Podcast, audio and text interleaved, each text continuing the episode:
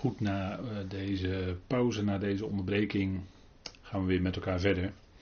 En we, hebben, kijken vanavond naar, opnieuw naar dat verzoenen, dat uh, veranderen, wat God doet, wat God uitwerkt. En dat heeft een enorme uitwerking als dat tot je doordringt in je leven. Dat je beseft dat er inderdaad helemaal niets is tussen God en jou. In het verleden uh, refereerde ik ook voor de pauze aan, was daar die tabernakel. Was daar die tempel in Israël. En dan moest iemand uit de volkeren, moest naar Israël toekomen. En die kon dan via bemiddeling van de priester van Israël, kon die dan met via een offerdier tot God naderen. Maar niet eens kon die in de tegenwoordigheid van God komen. Dat kon alleen de hoge priester één keer per jaar in het heilige van de heiligen met, eh, met bloed te sprenkelen, kon hij dan bij de Shekinah, de wolk, vuurkolom, die daar was. En dan troonde Yahweh en hij sprak vanaf het verzoendeksel.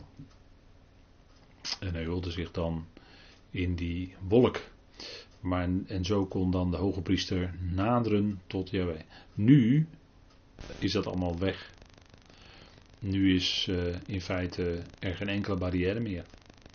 Er is niets tussen God en u. Want Christus Jezus heeft alles volbracht wat volbracht moest worden. En Hij is degene die als het ware de weg vrij heeft gemaakt naar de Vader toe. Zodat we nu, zoals Paulus dat zegt in Efeze 3, vrije toegang tot de Vader hebben en met vrijmoedigheid mogen naderen door zijn geloof. Zijn met een hoofdletter. dat gaat niet om ons geloof, maar het gaat om zijn geloof. En dat is eigenlijk de basis, dat is de grond voor onze redding. Dat, eh, daar heeft ons geloof eigenlijk niet mee te maken.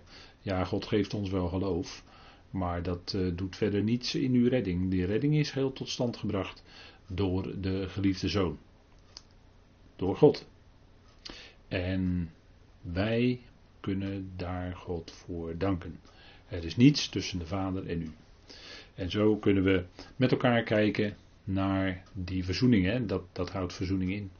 En door hem staat er het al wederzijds met zichzelf te verzoenen.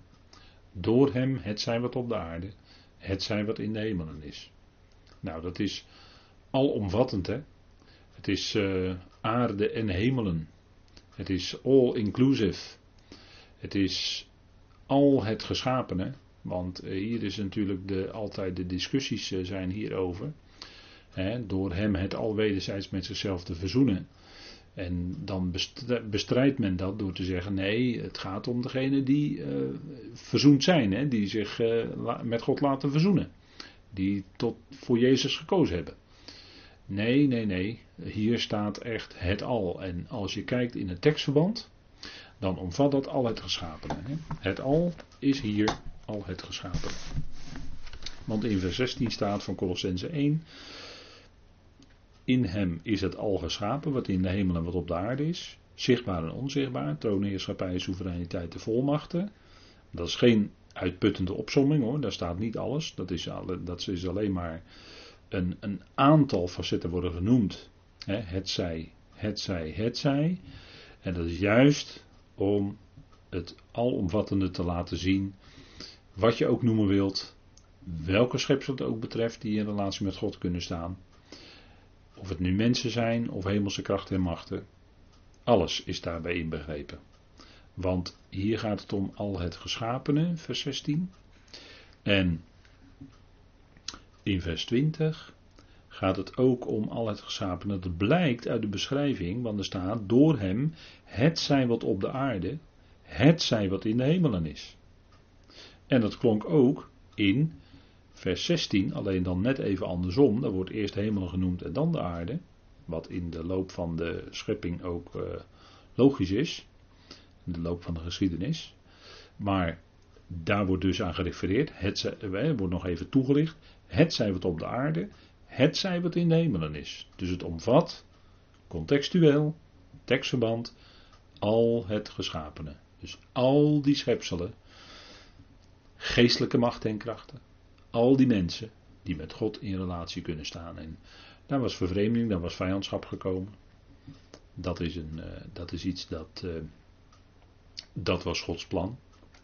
En zo tegen die donkere achtergrond, tegen die. Uh, ja, tegen dat zwarte van vijandschap en vervreemding. Daar schijnt dat licht van die verzoening en Gods liefde en genade juist des te sterker. En eigenlijk zijn die contrasten ook nodig. Ze zijn zelfs noodzakelijk. Het kwaad, de zonde, de duisternis, de vijandschap, de vervreemding, het is allemaal noodzakelijk in Gods plan. Om te kunnen waarderen wat zijn licht, wat zijn leven, wat zijn liefde, wat zijn genade inhoudt. Wat dat betekent. Adam, daar staat niet van dat hij God dankte toen hij in de hof was. Hij was enorm vitaal, enorm sterk. Veel, veel, nog, veel sterker dan wij nog, want hij werd 930 jaar oud. En Eva, dat waren hele sterke, vitale mensen. Maar er staat nergens dat zij God dankten voor hun gezondheid, voor hun vitaliteit, voor hun levenskracht, voor alles wat ze konden doen. Nee, dat, dat was voor hun allemaal vanzelfsprekend. Ze waren in die omstandigheden gezet. Pas als je gaat beseffen wat het is zwak te zijn en je doel te missen, het allemaal niet te kunnen bereiken, uh, in, in geestelijke duisternis te zijn geweest, dat je niet meer wist waar je het moest zoeken. En uiteindelijk heeft God je gegrepen en ben je op zijn weg gezet en heb je God leren kennen. En dan zie je het enorme verschil tussen de geestelijke duisternis waarin je was en het leven wat je leidde en het leven wat je nu leidt en het, en het licht uit Gods woord, door zijn geest, wat je mag hebben en wat je mag genieten. En dat je gaat erkennen wie God is, steeds meer gaat erkennen wie God is. Want daar gaat het ook in dit stuk over natuurlijk, Colossense 1. dat is dat gebed. En ik, ik, ik, hoop dat u dat niet vergeet om te bidden. Dat, dat wij alle mogen groeien, niet alleen in de erkenning van de wil van God. Want kijk, die, Paulus stapelt wat op hè, in Colossense 1. hij stapelt wat op. Kijk, eerst spreekt hij in vers 6 over de, dat we die genade van God in waarheid erkennen. En die genade van God in waarheid erkennen, dat is al een stukje opstap, zeg maar. dat is al een stap in de erkenning van God. Dat God genadig is, dat het gaat om zijn genade. En dat het, die genade, die klinkt ook in het evangelie. En die genade klinkt ook in verband met het offer, het lijden, de dood aan het kruis van onze Heer Jezus Christus. Dat is de basis voor de genade. En die genade is dat wij gerechtvaardigd worden om niet, Romeinen 3, in zijn genade, door de vrijkoping in Christus Jezus. En die vrijkoping in Christus Jezus, die is tot stand gebracht door het kruis. Door zijn werk aan het kruis. Door wat hij deed. Dat is die genade heeft, is verbonden met het kruis ook, hè, met die liefde die God daar laat zien. En dan gaat, krijgen we nog een stap, dat is dat gebed in Colossense 1, dat heeft te maken met de wil van God. En de wil van God leren kennen en erkennen is ook een stukje erkenning van God. En dat gaat heel ver. Voor de zoon ging dat heel ver, die wil van God. Vader, niet mijn wil, maar uw wil geschieden. Bad hij in Gethsemane. Die wijn, die, in die olijfpersbak. Hè, dat betekent het woord Gethsemane. En de olijf moest geperst worden en zo kwam de zoon ook onder grote druk te staan. En de olijf moet geperst worden dat de olie eruit komt. En die olie die werd onder andere toegepast om licht te maken. En zo kwam de zoon onder grote druk te staan. En hij werd zelfs zo zwaar verdrukt dat hij de dood inging, dat het zijn dood werd. Zo zwaar kwam hij onder druk. Maar wat een geweldig licht komt daaruit naar voren. Hè? Doordat hij onder die enorme druk, en ik kan ook wel zeggen de hand van de Vader, op Golgotha uiteindelijk stierf. Ja, inderdaad, hij blies de laatste adem uit. Vader, in uw handen beveel ik mijn geest. En daardoor komt er, komt er een enorm licht. Het licht van het evangelie, dat schijnt in ons hart. Het licht van het evangelie schijnt al 2000 jaar lang in deze wereld. En dat is allemaal vrucht van het kruis. Vrucht van zijn dood en opstanding. Ja, dat is allemaal daarmee verbonden. Hè. Die wil van God is ook nauw verbonden met het kruis. Vader, niet mijn wil, maar de uwe geschieden. Vader, indien het uw bedoeling is, laat deze drinkbeker aan mij voorbij gaan, bad hij. Toen hij, in, er staat niet dat hij beangst werd, maar er staat dat hij zwaar bedrukt werd in de ziel. En, en, en zo bad hij. En, en uiteindelijk was daar die overgave van vader en vader niet, niet mijn wil. Niet mijn wil. Maar uw, uw wil. Die wil van God is verbonden met het kruis. De liefde van God bepaalde ook de wil van God. Dat dat kruis daar moest zijn. Zodat God zijn liefde daardoor zou kunnen laten zien voor die wereld, voor vijanden. Niet alleen voor zondaren, voor vijanden. Daar gaat die liefde naar uit. God heeft zijn vijanden lief, zeker, zeker. Dat bleek op Golgotha. Dat bleek toen hij zijn zoon opwekte uit de dood. Ja, dat is nogal wat hoor. En hier staat dus dat het al omvat het zij wat op de aarde, het zij wat in de hemel is. En dat klonk ook al als geschapene in 1 vers 16. Dus dat is het tekstverband waar we kijken. Dat is het tekstverband. En er staat er natuurlijk in vers 21 dat, het, dat die Colossenzen hadden deel aan die verzoening gekregen. Natuurlijk. Tuurlijk. Maar dat is weer een, eh, een nieuw stukje, begint Paulus dan. Maar de directe tekstverband, de opbouw naar vers 20 toe, gaat over het al, al het geschapene in de hemelen en op de aarde. En dan gaat het om schepselen die in God met verbinding kunnen staan, in God in relatie kunnen staan. Dat is dus alomvattend.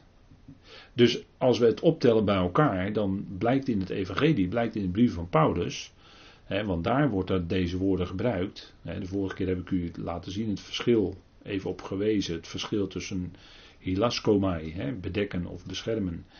Hè, in het Hebreeuws is dat kafar of uh, kaza. En het woord wat Paulus gebruikt, katalasso, veranderen, naar beneden veranderen. Dat woord wordt alleen bij Paulus gebruikt. En Paulus laat zien wie worden of wat wordt verzoend? De wereld. De wereld. De vijanden. Romeinen 5. Hè? Vijanden worden met God verzoend. Maar ook hier, en dan gaat het nog verder, het al. Dus al die vijanden. Dat omvat alles, dat gaat dus heel ver. Omvat dus echt alle vijanden van God. En dan horen we natuurlijk de vraag er doorheen komen, ook die grootste vijanden van, ook die grootste vijand van God? Ja, ook die. Ook die. Ja, zeker. Want het gaat hier om het al. Ja, dan is het echt, uh, ja, dat is uh, geweldig, hè. Gods liefde is uh, toereikend. Daar kunnen we vast op vertrouwen. Kijk, en verzoening, het wordt hier niet genoemd in vers 13 tot en met 20. Die vijandschap wordt niet letterlijk genoemd, wordt wel natuurlijk verondersteld aanwezig te zijn, want anders is er ook geen verzoening nodig. Vijanden worden met elkaar verzoend. Er staat het al wederzijds met zichzelf te verzoenen. Ja, in Genesis 3, vers 15 staat dat natuurlijk ook. Hè? Die slang en die hiel enzovoort. Hè? En er staat wederzijds verzoenen, dat houdt in vervreemding, vijandschap. Maar die worden in vers 13 tot en met 20 niet genoemd. Waarom niet? Omdat die niet horen bij het werk van de zoon. Het werk van de zoon is om te verzoenen. En het is het werk van God om bijvoorbeeld in Genesis 3, vers 15 vijandschap te zetten. Laten we even met elkaar lezen. Genesis 3, vers 15. En misschien kunt u dat, eh, heeft u een Bijbel erbij liggen bij deze studie, kunt u dat eh, meelezen vanuit uw Bijbel. Ik lees u dan voor uit de herziene statenvertaling. Maar ik zal het toch even moeten, moeten, eh, een klein beetje moeten aanpassen. En er staat in 3 vers 15, en dan, is, dan heeft, weet u, hè, de mensen hebben gezondigd en dan wordt er tegen de, de slang enzovoort gezegd. En ik zal vijandschap teweeg brengen tussen u en de vrouw, en tussen uw zaad en haar zaad. dit zal u de kop vermorzelen en u zult het de hiel vermorzelen. Nou, ik heb wat bezwaren tegen die vertaling vermorzelen, want ja, dat staat er eenmaal niet. De slang werd niet vermorzeld, de tegenstander is er nog steeds. Maar de kop vermorzelen is natuurlijk uh, de kop. Er staat eigenlijk de kop. Um, ja, dat kun je vertalen met verwonden. In de Concordant Version staat uh, het woord to hurt. Dus uh, dat, dat kan ook zijn pijn doen of raken of pijnlijk raken. En dat geldt dan ook dat het. Uh, dat, dat die hiel, hè, dat het zaad van de vrouw, daarvan zal de hiel geraakt worden, pijnlijk geraakt worden, is natuurlijk ook beeldspraak. In ieder geval, uh, de kop vermorzelen betekent, de kop zal pijnlijk verwond worden, dat wil zeggen, hij zal uiteindelijk toch zijn zijn nederlaag moeten lijden. En u zult er de hiel wil zeggen, ja, dat zaad, dat zou ook pijnlijk geraakt worden. Zelfs zo pijnlijk dat hij eh, door de dood ging. En uh, we merken op hier dat er in vers 15 staat, ik, dat zegt uh, Yahweh Elohim hier, staat in vers 14, die sprak tegen de slang hier, en ik zal vijandschap zetten tussen u en de vrouw, tussen uw zaad en haar zaad. En die vijandschap, ja, die is er nog steeds. En die vijandschap zal ook blijken in de nabije toekomst. Als dat volk Israël weer onder enorme druk en verdrukking zal zijn. En het is door toedoen van de tegenstander. Want die zet dan de wetteloze in en dat hele wereldrijk. Om met name dat volk van God Israël te verdrukken. Zwaar te verdrukken zelfs. Hè? Grote verdrukking, benauwdheid van Jacob. Dat gaat nog komen. Daaruit blijkt de vijandschap die er is tussen de slang, tussen de slang en het zaad van de vrouw. En uiteindelijk zal die slang toch daarvan het onderspuit moeten delven. En zelfs uiteindelijk, uiteindelijk zal ook de tegenstander, de tegenstander van God, de tegenwerker, die zal veranderd worden in een vriend. Want die valt ook onder die verzoening van het al. Hè. Het gaat om alles. Het al. Maar die vervreemding vijandschap op zich, dat brengen, dat is niet het werk van de zoon. Dat is wat God doet. God brengt vijandschap.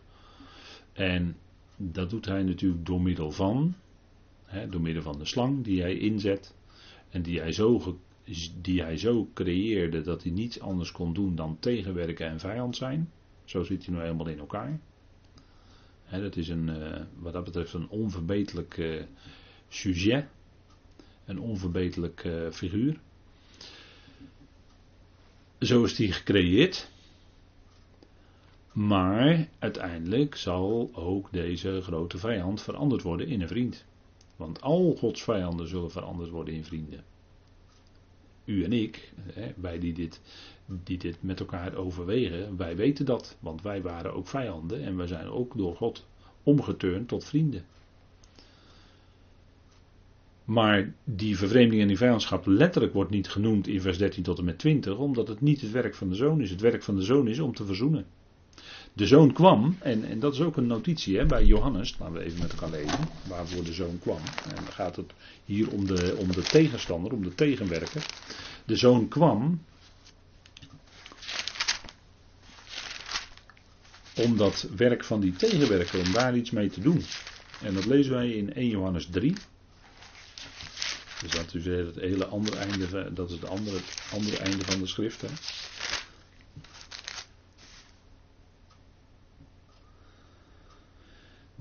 En er staat in vers 8, 1 Johannes 3, vers 8, en dat eh, geldt een bijzonder in de zeer nabije komende eindtijd. Wie de zonde doet, is uit de duivel, is uit de diabolos. Want de diabolos zondigt vanaf het begin. Dus vanaf het begin dat hij gecreëerd werd, zondigt hij. En dan staat er: Hiertoe is de Zoon van God geopenbaard. Dat hij de werken van de diabolos zou verbreken. Of teniet zou doen. Dus daarvoor kwam hij. Hij kwam om die werken te niet te doen, om ze te verbreken. En dat doet hij ook. die missie slaagt. Het is niet zo dat de, dat de tegenstander aan het eind groot succes heeft door 95% van de mensen enzovoort. Voor altijd in de, in de hel te houden of zo, weet ik veel wat voor theorieën er zijn. Maar het punt is dat de Zoon van God is geopenbaard opdat hij de werken van de diabolos, van de tegenwerker, zou verbreken. En dat doet hij ook. En dat heeft hij gedaan door zijn werk aan het kruis. Blijkt uit Colossense 2, vers 15. Daar staat dat al die machten en krachten openlijk tentoongesteld zijn en dat hij zo over hen heeft overwonnen. Dat is door, door het kruis. Dat is ook een aspect van het kruis. Hè? Die overwinning over al die machten en krachten. Dus die vervreemde vijandschap die zal worden opgeheven eens. Het gaat van vijandschap naar vrede. En dat is het werk van de zoon. En we zien die enorme tegenstelling, die vijandschap, heel bijzonder, want ja, u weet de psalmen, dat gaat over de Heer, in de eerste plaats. En die, dat enorme contrast tussen hoe liefdevol de Heer was en hoe anderen hem bejegenden, dat lezen wij bijvoorbeeld in een misschien wat minder bekende psalm, maar psalm 109. En ik heb dat hier even voor u uitgeschreven, in een wat uh, poging tot een iets meer uh, consequente vertaling. Een psalm van David, de eerste verse lezen we dan. O Elohim van mijn lofprijzing, wees niet stil, want een mond van slechtheid en een mond van bedrog hebben zij tegen mij geopend. Zij hebben tegen mij gesproken met valse tong. Dit gebeurde natuurlijk in die nacht dat er een zogenaamd proces bezig was met het Sanhedrin enzovoort. Ze hadden valse getuigen opgeroepen. Dat lees je hier zo allemaal al profetisch aangegeven hè, in Psalm 109. Met woorden van haat hebben zij mij omringd. En zij vechten tegen mij om niet. En een andere plaats staat ook, ze hebben mij, ze hebben mij om niet gehaat. Want er was in hem geen enkele aanleiding om hem te haten, want hij deed geweldige dingen en hij veroordeelde nooit een mens. Hij was wel scherp tegen de leiders van het volk in de discussies. Als het erop aankwam, als het woord van de Vader verdedigd moest worden, dan was hij vlijmscherp. Maar hij veroordeelde niemand. En zij vechten, staat er dan tegen mij, om niet. Herinnert u zich dat, dat ze kwamen met stokken en zwaarden in Gethsemane. En dat de Heer dat ook zegt. Jullie zijn tegen mij uitgetrokken met stokken en zwaarden als was ik een misdadiger. Nou, zo, zo zat die, die, die vijandigheid erin. Hè? En dan staat er in vers 4: Als antwoord op mijn liefde zijn zij mijn tegenwerkers. Ken je dat? Je hebt lief. En wat krijg je, als, krijg je ervoor terug? Tegenwerking. Zelfs toen ik in, zelfs toen ik in gebed was. dat, eh, zelfs eh, toen hij in gebed was in Gethsemane, waren ze al onderweg naar hem om hem te pakken. Zij brengen kwaad op mij als antwoord op het goede en haat als antwoord op mijn liefde. En dat kan je ook overkomen als gelovige. Je hebt lief en dat wordt beantwoord met haat. Je doet goed en het wordt beantwoord met dat je kwaad aangedaan wordt. Dat, dat kan je allemaal overkomen. Bij de Heer overkwam dat op een, op een hele bijzondere manier, op een hele overweldigende manier. Hè? Vooral in die laatste uren voor zijn dood, toen hij naar het kruis toe ging, speelde dit allemaal heel sterk. Wat een enorme tegenstelling, hè? De liefde van hem en de, de, de, de vijandschap en de afwijzing, de vervreemding en noem alles maar op daar tegenover. Zijn liefde werd beantwoord met haat. En, en, en het punt is dat, dat als je kijkt naar, naar het kruis, hè, als je kijkt naar Golgotha, dan zie je daar dat die haat en de vijandschap van de mens zie je uh, duidelijk tentoongesteld toen hij daar aan het kruis hing. En heel diep smartelijk leed. Kruis was natuurlijk ook een schande om aangehangen te worden. Het was, uh, betekende verachting. En als iemand dat niet verdiend had, was hij het. Was Christus het. Was Jezus het. En toch onderging hij dat. En, en dat was een enorme, hè, van één kant bekeken, was het een enorme provocatie van de kant van de mens. Door die zoon van Gods liefde zo te behandelen. Maar wat was nou het antwoord van God daarop? Beantwoordde God die haat met dezelfde haat terug? Nee, nee, nee, nee. God beantwoordde die haat met liefde. Met liefde. Ja, inderdaad, zijn zoon ging de dood in. Ja. En God leed mee hoor op Golgotha. God leed mee met de zoon. Denk erom. En dat die zoon de dood inging, ook dat was smartelijk. Maar dat was wel het antwoord wat God gaf aan die zondigende, aan die vijandige, aan die rebellerende mensheid. Het antwoord wat God erop gaf was liefde. Hij deed die mensheid niet uit zijn ogen weg. Maar hij wekte zijn zoon op uit de dood. Kijk, dat hadden ze nooit verwacht.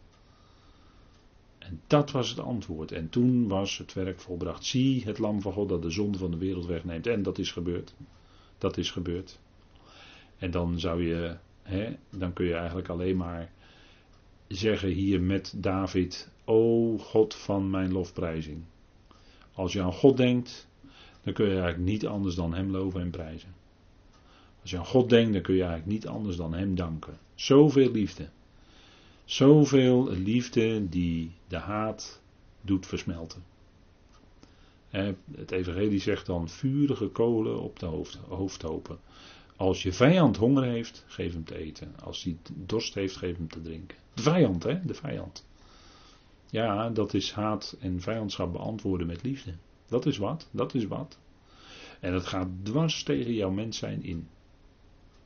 Het liefste zou je gewoon lik op stuk geven en, en, en hetzelfde terug doen. Maar nee, door het evangelie wordt je hart veranderd. Hè? De, Paulus zei het ook tegen de Corinthiërs. Jullie zouden ruimer worden van binnen door de genade. Dat je hart open staat voor die en voor die en voor die. En voor die en voor die. Ja, eigenlijk ik kan wel door blijven gaan. Maar dan moet ik 9 miljard keer die zeggen. of 8, eh, hoeveel is het tegenwoordig? 8, 9 miljard mensen. Ja, nee, al die mensen. Iedereen die je tegenkomt. Daarvan weet je. God heeft diegene lief. En dan, is je, eh, dan kan je gebed zijn, vader mag nou diegene die ik vandaag ontmoet, kan ik nou daar, ja, die, die, dan weet ik dat u die lief heeft. En, en, en dat, dat, die liefde werkt in mijn hart. En dan kun je die ander die je tegenkomt ook lief hebben. En dat is helemaal niet makkelijk. maar eh, dat, dat is eigenlijk wel de weg van het evangelie. Die ander lief hebben. De liefde is geduldig, de liefde is niet jaloers. En ja, goed, we hebben de vorige keren erbij stilgestaan aan de hand van 1 Corinthië 13. En zo werkt dat dan uit in de praktijk. Hè? Kijk, praktisch gezien, God beantwoordde haat met liefde. God beantwoordde vijandschap met vriendschap. Hij, wil je, hij, wil, hij is uit op, op, op vriendschap met jou, om het zo maar eens te zeggen. Vrede. Er is namelijk vrede gemaakt in het bloed van het kruis. Nou, door hem, staat er ook, hè? door hem, de zoon van zijn liefde, verzoening door de zoon. Het gaat van vijandschap naar vrede.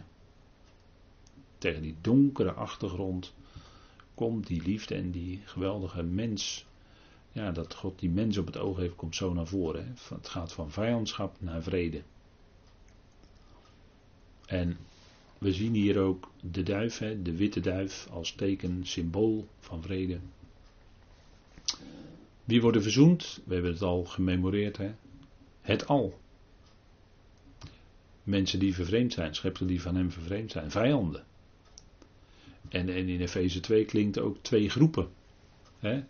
Uh, dat is dan wederzijds, hè? onderling, twee groepen met elkaar, maar ook met God. En vijanden klinkt er daar ook weer. En dan met God, hè?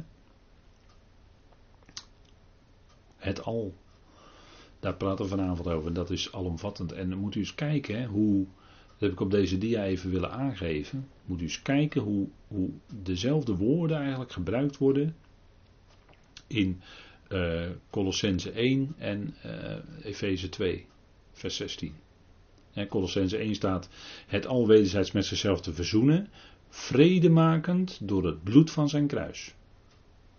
En in Efeze 2, vers 16 staat: vredemakend en beiden in één lichaam met God door het kruis wederzijds verzoend. De vijandschap erin dodend. Dus je ziet u ook die, datzelfde begrip, hè? vredemakend, wederzijds verzoenen, door het kruis, met God. Dus, ja, dat komt allemaal eens overeen, hè? heel sterk. Het gaat dus om hetzelfde principe. En, en in Efeze 2 gaat het dan om twee groepen. Hè? Gelovigen uit Israël en gelovigen uit de natieën. Die dan in dat ene lichaam ook onderling wederzijds verzoend zijn. Maar met God hè, staat er eerst. Die, de beiden in één lichaam met God. Door het kruis wederzijds verzoend. Dus het is wel eerst verticaal met God. En van daaruit ook horizontaal. Dat die twee groepen met elkaar één worden. En dat daarin dus geen vijandschap meer is. Onderling. En dat, dat is eigenlijk wat, wat toen al door Paulus werd, eh, werd eh, vastgesteld. Maar ja, in de loop van de afgelopen eeuwen is dat nog wel eens juist wel vijandschap gebleken. Hè, tussen, maar goed, ik wil het u even laten zien hoe opmerkelijk dat is, dat diezelfde bewoordingen gebruikt worden. Hè. Vrede is er gemaakt door het bloed van zijn kruis. Nou, geweldig hè. En staat er in eh, Colossense, het al wederzijds met zichzelf te verzoenen, vrede maken door het bloed van zijn kruis. Vrede en verzoening. En het gaat om schepselen. Hè. Het al is al die schepselen met relatiemogelijkheid met God. En het al wordt dan verzoend doorheen de dood van de zoon. Door het bloed van zijn kruis staat hier dan hè, in uh, Colossense 1. Het bloed van zijn kruis. En dat is nodig om die aanwezige vijandschap en, en de, de, al die dingen die ermee verbonden zijn, om dat te niet te doen. Nou, dan gaan we nog even inzoomen. Hè. De vrede wordt, komt tot stand, hè. werkelijke vrede met een, met een. De enige ware basis tot vrede is die van het kruis. Dat wat hij deed. En dan staat daar zo. Vredemakend door het bloed van zijn kruis. dus in, door het bloed van zijn kruis is er vrede gemaakt. En, en op basis daarvan, van die vrede die, die gemaakt is, dat, maar dat vrede maken staat eigenlijk ook, een, dat is eigenlijk niet aan tijd gebonden. Dat is eigenlijk gewoon een feit, zo, het staat er als een feit, hè, aorist. En het al wederzijds met zichzelf te verzoenen, dat is ook een feit. Dat, dat is niet aan tijd gebonden. Maar dat is een, ja, niet, niet, ook niet een, door, ja, ook weer wel doorgaand, want steeds meer zullen gaan delen in die verzoening. Maar het is een feit. Het al wederzijds met zichzelf te verzoenen, het al. En, en uh, ja, dan wordt die vijandschap gaat weg. Hè. En dat, dat is uh, horizontaal, of ik uh, zei bij die vorige dia, vertica, eerst verticaal met God. En dat werkt zich dan horizontaal uit tussen twee groepen. Maar eh, kijk, verzoening is dan natuurlijk ook heel praktisch. Hè? Dat betekent verzoening in de onderlinge relaties. Blijkt dat?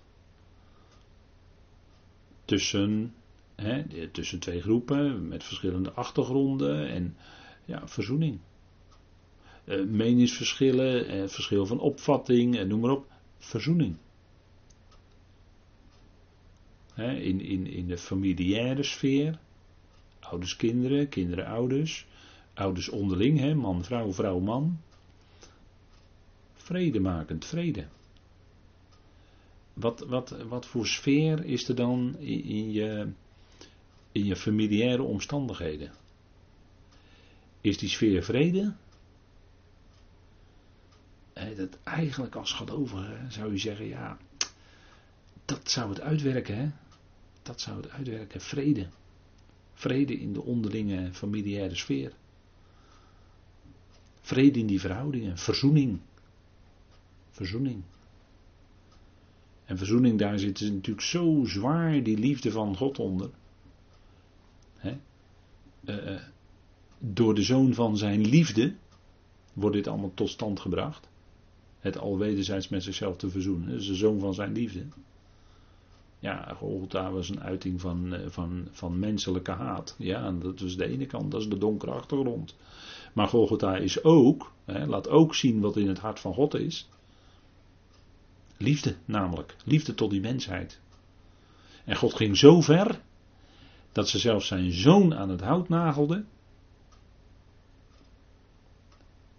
En dat God dat beantwoordde met liefde. Maar kijk, in het aan het hout nagelen van de zoon werd ook de vijandschap aan dat hout genageld. En werd ook die wet, hè, dan heb ik het even over Colossense 2 vers 15. Dan wordt ook dat, dat, dat handschrift wat tegen ons getuigde, zegt Paulus daar. Dat werd ook het kruis genageld. Dat ging daarmee ook weg. En het al, ja, want het al wederzijds met zichzelf te verzoenen. Het al. Oh, dat is geweldig hè. Vrede maken door het bloed van zijn kruis. Die, die vrede is tot stand gebracht. En daar, daar, uh, daar leven wij door, daar leven wij uit, daar leven wij van, daar leven wij in, dat leven wij uit. Uh, hoe moet ik het noemen? Ik, ik noem maar even snel wat, wat dwarsstraten. Hè? En, en het bloed van zijn kruis, kijk dat bloed, ik heb op deze dia even wat kleine toelichtingje. Bloed heeft te maken natuurlijk met de ziel. Hè? Bloed heeft te maken met de ziel. De ziel is in het bloed. In de Bijbel. Hè? Bloed heeft te maken met gevoel, met ervaringen. Eh, bloed wijst dan op het lijden, op het intense lijden. In de ziel. Daar wijst het bloed op. Hè? En eh, kijk, eh, soms wordt er heel zwaar nadrukkelijk gezegd door mensen dat eh, bloed is leven, maar ik vind het in de Bijbel niet terug. Geest is leven. Als geest in de mens is, is er leven. De levensadem van God heeft te maken met een uiting van zijn geest. En dan Heilige Geest, noem maar op, dat is leven. Maar bloed, dat heeft te maken met de ziel. Met gevoel, met ervaringen. Met het lijden. De passie. En het bloed van het kruis, want deze uitdrukking komt maar één keer in de schrift voor, en dat is hier in Colossense 1, vers 20. Kijk, door het bloed van zijn kruis. En die toevoeging kruis, want het gaat hier niet alleen om het bloed van Christus, hè, maar dat is niet zomaar hier even een eenvoudige literaire variant. Nee, het is natuurlijk heel bewust door Heilige Geest hier uh, via Paulus uh, aangegeven door het bloed van zijn kruis betekent de smadelijke, de, het zwakke van de zoon, de manier waarop de zoon de dood inging. En dan gaat het om de schande, want het was een schande om gekruisigd te worden. en en dan, dan, dan hingen de, de, de gekruisigden, die hingen daar naakt. Als, als, en dan, dan is het dus helemaal schande en, en zwakheid om, om, om de zoon dan op die manier te onteren. En juist hier, het punt is, juist hier werd vrede gemaakt. Vrede maken door het bloed van zijn kruis.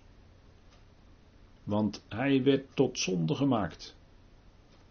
En daarmee werd ook al die vijandschap en al die vervreemding en noem alles maar op, werd aan het kruis genageld ten diepste. En dat hebben we ook in Efeze 2 kun je dat lezen. Eh, de vijandschap erin dodend, hè, hebben we gelezen. De vijandschap erin dodend. En dat heeft alles te maken met het kruis. Want dat wordt daar genoemd. En, en hier ook. Hè, door, uh, en, en als we in Colossense even dan uh, iets verder lezen.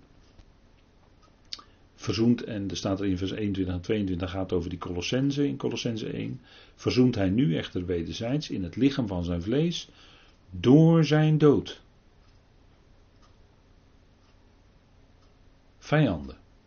Vijanden in denkwijze en boze werken, die verzoent hij wederzijds in het lichaam van zijn vlees. Door zijn dood. Dat nam hij allemaal mee de dood in. door zijn dood. Ja, zijn dood betekende uiteindelijk ook de dood van alle vijandschap. En, en mag die dood dan, zijn dood het zo in ons leven uitwerken, want we zijn met hem zelfs mede gekruisigd. En daardoor ook, we zijn met hem begraven. Dan zou het ook zo zijn dat die vijandschap in ons vlees, want het hoort bij de oude mens, dat die ook mede dood is ingegaan. En als we dat ons meer en meer bewust worden, ja, dan is er eigenlijk geen sprake meer in ons hart voor vijand. Uh, dan is er eigenlijk geen plaats meer in ons hart voor vijandschap. Als die liefde van God daarin werkt. Dan, dan versmelt eigenlijk alle vijandschap en wil je eigenlijk het liefste met iedereen gewoon vriend zijn. He, wil je het liefste met iedereen in verzoende verhoudingen leven. En, en laat het dan van jouw kant in ieder geval zo zijn, zegt Paulus, als praktijk voor ons. Voor zover het van u afhangt, houd vrede, daar heb je het weer, hè, vrede met alle mensen. Alle mensen dus. Dat is breder dan de kring alleen van de medegelovigen. En in de kring van de medegelovigen is het vaak onderling, ja, moet toch zeggen, niet altijd vrede. Niet altijd. Is het niet altijd verzoening. Maar ja, eigenlijk kan het toch zo niet zijn. Lijkt mij dat als we deze boodschap van verzoening kennen, en als die in ons hart geland is, dat je dan niet blijvend onverzoenlijk kan zijn. Maar dat, helaas gebeurt dat toch tussen broeders, tussen zusters. Blijvende onverzoenlijkheid, vreselijk. Dan is er weer die afstand, die vervreemding enzovoort. En daarvoor is nou juist dat kruis geweest. Om dat te niet te doen, zijn dood zou dat meenemen. En heeft dat ook meegenomen. Alleen het gaat om het punt natuurlijk dat, dat eh, ja, natuurlijk God, God geeft het, dat je dat gaat erkennen. dit, dit, is allemaal ook, eh, allemaal stappen die Paulus zet, dat evangelie laat hij zo zien. En, en God geeft dat dan, dat, hij dat zo allemaal, die geweldige dingen hier in Colossense 1 mocht opschrijven. Dat, dat we daardoor ook groeien in de erkenning van God dat, dat, dat we God er gaan erkennen als degene die verzoener is, die genadig is, die liefde is, die, die, die, die uh, vrede, dat, dat hoort bij hem. De vrede van God, dat die in ons hart regeert. Ja, dat, uh, is natuurlijk ernstig hè, allemaal, maar dit, dit is ook heel ernstig en het is ook heel diep gegaan op Golgotha. Daar hebben wij geen, geen idee van wat, wat te denken van de uitroep van de Heer aan het kruis. Mijn God, mijn God, waartoe u mij verlaten hebt. dat, dat, zoals dat staat in, in, in Matthäus en in Marcus. En, en in, eh, daar begint Psalm 22 eh, mee. dat is het eerste, de eerste regel van Psalm 22. Die heeft de Heer dan dus aan het kruis gereciteerd.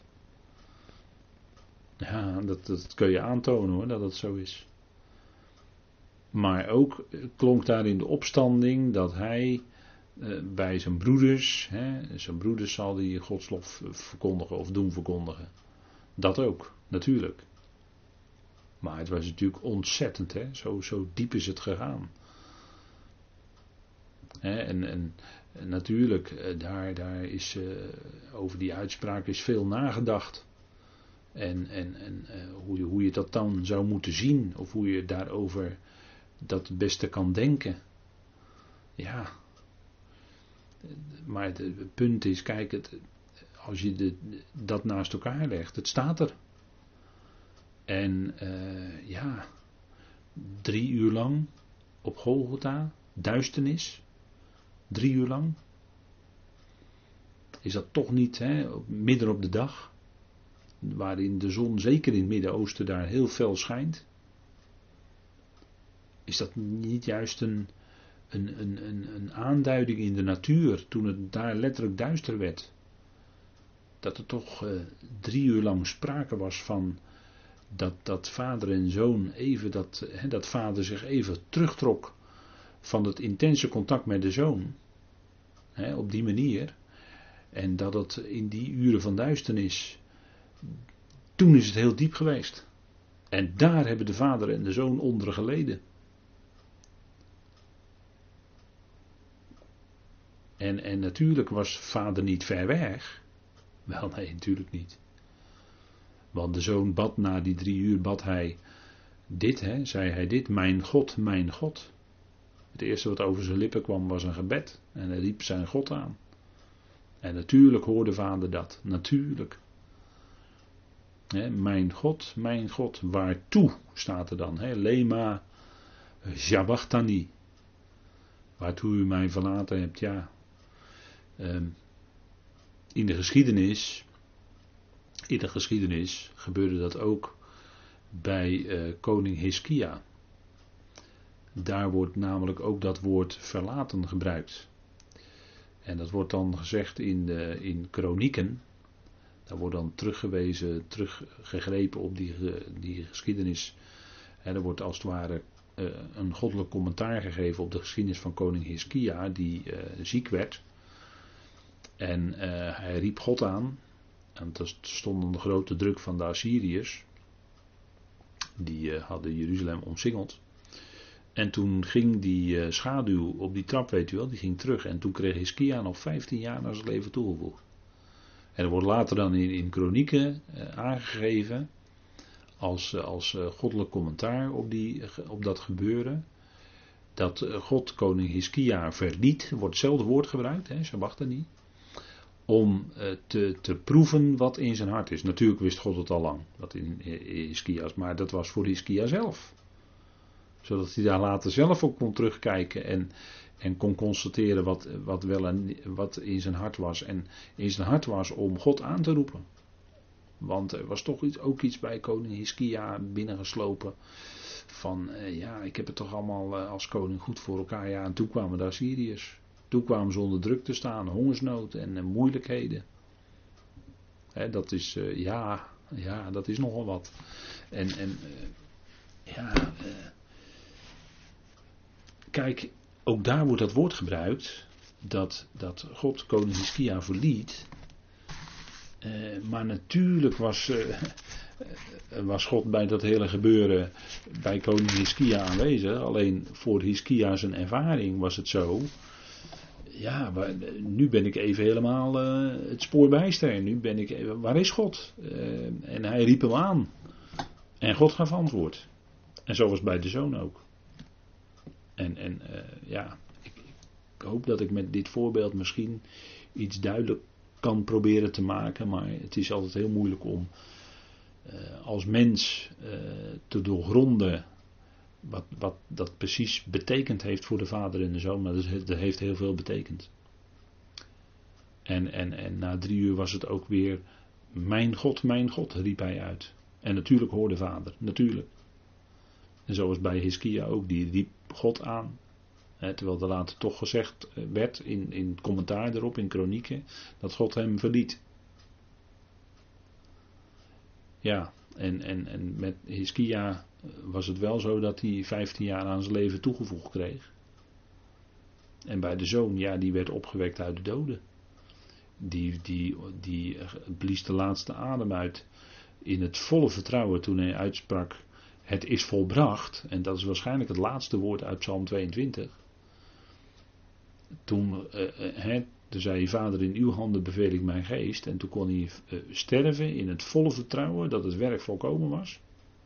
Want uh, het contact zeker met de vader was er zeker weer.